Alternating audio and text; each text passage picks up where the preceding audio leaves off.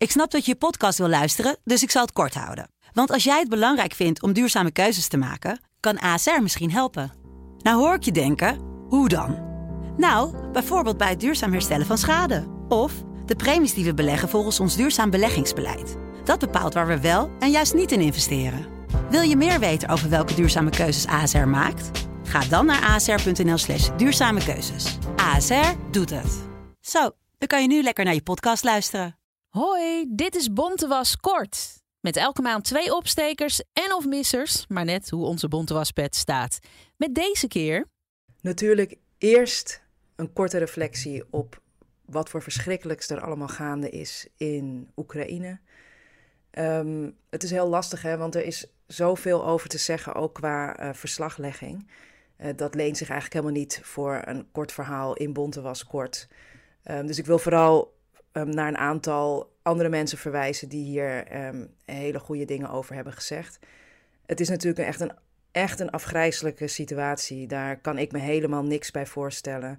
Je land wordt plotseling binnengevallen. Het is gewoon bizar. Het is ook bizar voor een heel groot gedeelte van de Russische bevolking die dit natuurlijk helemaal niet wil. Dat is sowieso iets waarvan ik trouwens wel dacht, moeten we het niet gewoon veel vaker gaan hebben over Poetin in plaats van Rusland. Of Poetin en consorten in plaats van Rusland in berichtgeving. Want ja, in hoeverre vertegenwoordigt wat er nu gebeurt Rusland?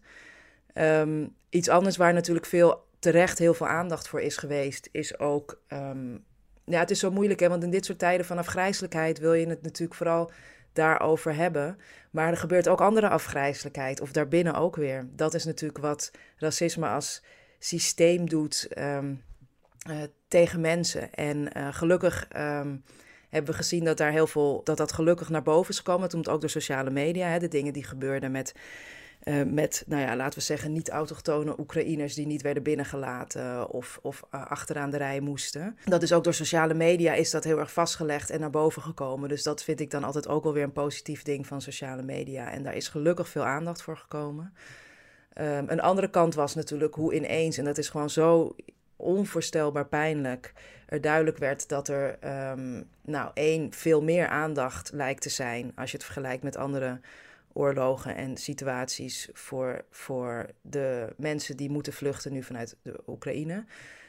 Wat natuurlijk iets afgrijzelijk is, maar waarom moet je dat gaan vergelijken en gaan vertellen dat, um, uh, dat je je daar meer in herkent of dat je dat beter begrijpt? Of de meest vreselijke, ja, want in landen als Afghanistan, daar was al heel veel oorlogen. Daar hebben we natuurlijk allerlei dingen over gehoord. En ja, dat is gewoon onvoorstelbaar dat dat in, eh, door, door journalisten wordt gezegd. Het is heel erg pijnlijk wat dit dan weer ook nog blootlegt. Nou ja, goed. Daar zijn, hebben gelukkig heel veel mensen goede stukken over geschreven. Sahar Noor bijvoorbeeld voor Nieuwwij. One World heeft een aantal goede stukken. Um, en ook een opname, geloof ik, van Pakhuizen Zwijger via One World terug uh, te zien. Uh, belangrijk dat dit steeds ook wordt aangekaart. Naast natuurlijk alle aandacht die er is en de vreselijke dingen die nu aan het gebeuren zijn uh, in Oekraïne. Um, waar ik nog een klein dingetje daarbij over zou willen zeggen, is dat ik heel veel hoor als verklaring ook van het is iets biologisch. Hè? En dan, dan ga ik het even heel erg plat slaan. Mensen hebben daar echt wel wat uitgebreidere argumenten over en met herkenning en noem het maar op. Natuurlijk, dat, dat is misschien een deel van de verklaring. Maar aan de andere kant um, moeten we niet vergeten dat er de afgelopen decennia, uh, sorry, de afgelopen eeuwen een bizar verhaal van witheid is gecreëerd in deze wereld, waar natuurlijk het kolonialisme mee is begonnen.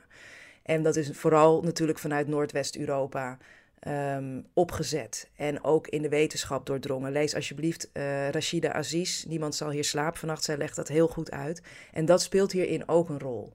Um, in, in machtsverhoudingen spelen hier een rol. Het idee dat witheid meer bescherming verdient. Um, dus ook zeker die leestip erbij. Iets anders wat ik nog heel graag ook wil aansnijden, want dat raakte een beetje ondergesneeuwd, was nieuws dat in februari naar buiten kwam dat een um, eerdere belangrijke man binnen DPG Media, DPG Media is echt een groot mediabedrijf dat heel veel Nederlandse kranten bijvoorbeeld onder zich heeft, een Belg, want DPG is oorspronkelijk uh, Belgisch, is een Belgisch bedrijf, Jaak Smeets, uh, een aantal jaren geleden is ontslagen omdat hij dus uh, vanwege MeToo-kwesties, hij had uh, meerdere malen seksueel overschrijdend gedrag uh, um, vertoond binnen DPG. Daar hebben meerdere vrouwen over geklaagd. hij, was, hij werd een beetje de opperhoofdredacteur genoemd, las ik in verschillende verslaggeving. En hij was dus ook daarmee bovenhangende baas, ook van een aantal Nederlandse kranten. Nou, deze kranten hadden ook zeker aandacht voor deze zaak, maar het werd allemaal, uh, en gingen ook hun eigen hoofdredacteuren bevragen van, hè, die man is toen ontslagen, die man heeft geen ontslagvergoeding gekregen, maar hij is wel, dit is wel een soort mooi verhaal naar buiten toe gegaan, van we zullen missen, nou iets in die trant. Er is dus helemaal niks gezegd in die tijd, was in 2016 geloof ik, over zijn handtastelijkheden. Nou, ik uh, citeer nu even uit Volkskrant hoe een aantal hoofdredacteuren daarop hebben gereageerd. Philip Remarque, voormalig Volkskrant hoofdredacteur en huidig directeur-uitgever van DPG Media, zag het vooral als een interne personeelszaak. Er gebeuren wel vaker dingen binnen het bedrijf en daar bericht je niet zomaar over. Zeker als slachtoffers dat niet willen, dan heb je een goede reden nodig. De nieuwswaarde was wel heel gering. Er was een onbekende Belg wegens handtastelijkheden ontslagen. Ik heb niet eens overwogen om een stukje te maken. Bovendien moeten we het in de tijd weten te plaatsen, vindt Remark. Nu is iedereen op jacht naar dit soort schandalen, dat was toen anders. Ook voormalig AD-hoofdredacteur Hans Nijhuis en trouw-hoofdredacteur Kees van der Laan zagen geen reden om over het wangedrag te publiceren.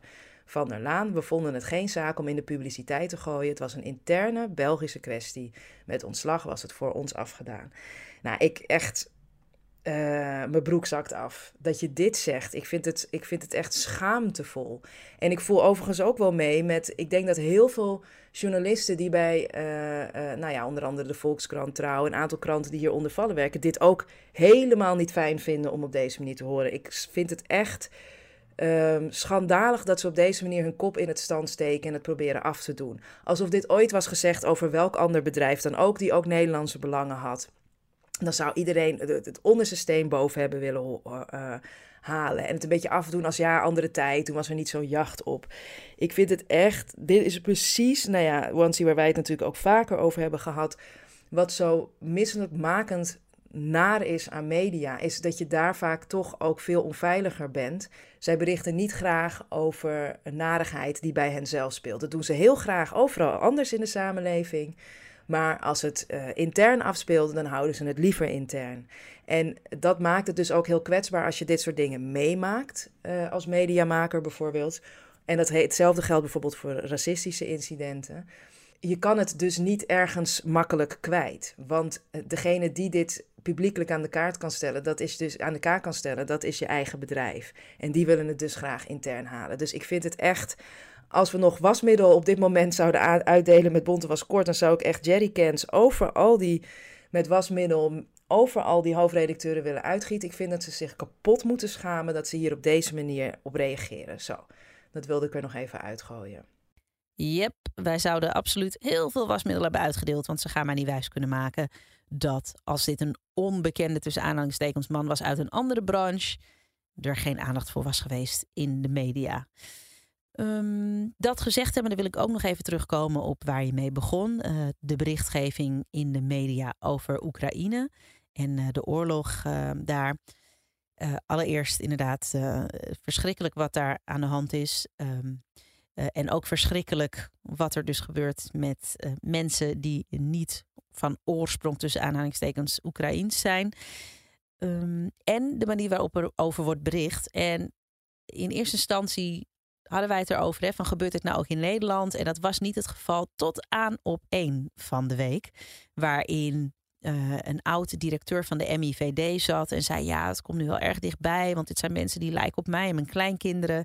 En de twee presentatoren die daar zaten, die zeiden precies niks. Als in, die gingen niet in op.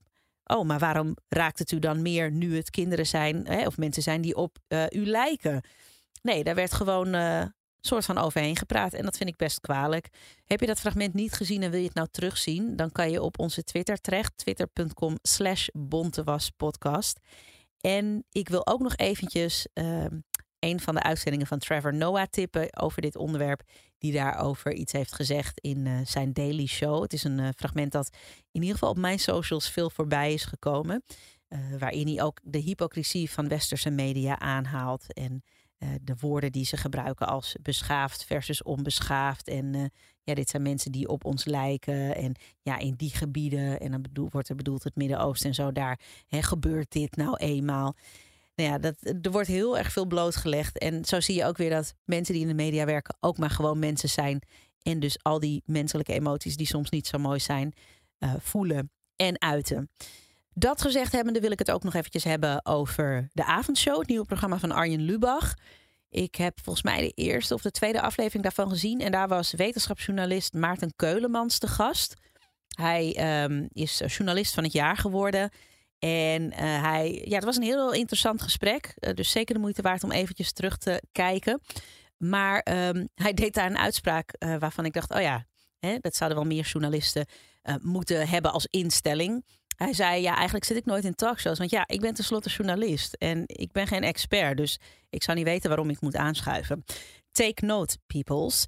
Nee, dat is dus eigenlijk mijn tip. we gaan. Uh, uh, al die dingen die Zoe en ik hebben genoemd uh, in de show notes zetten van deze Bonte was kort.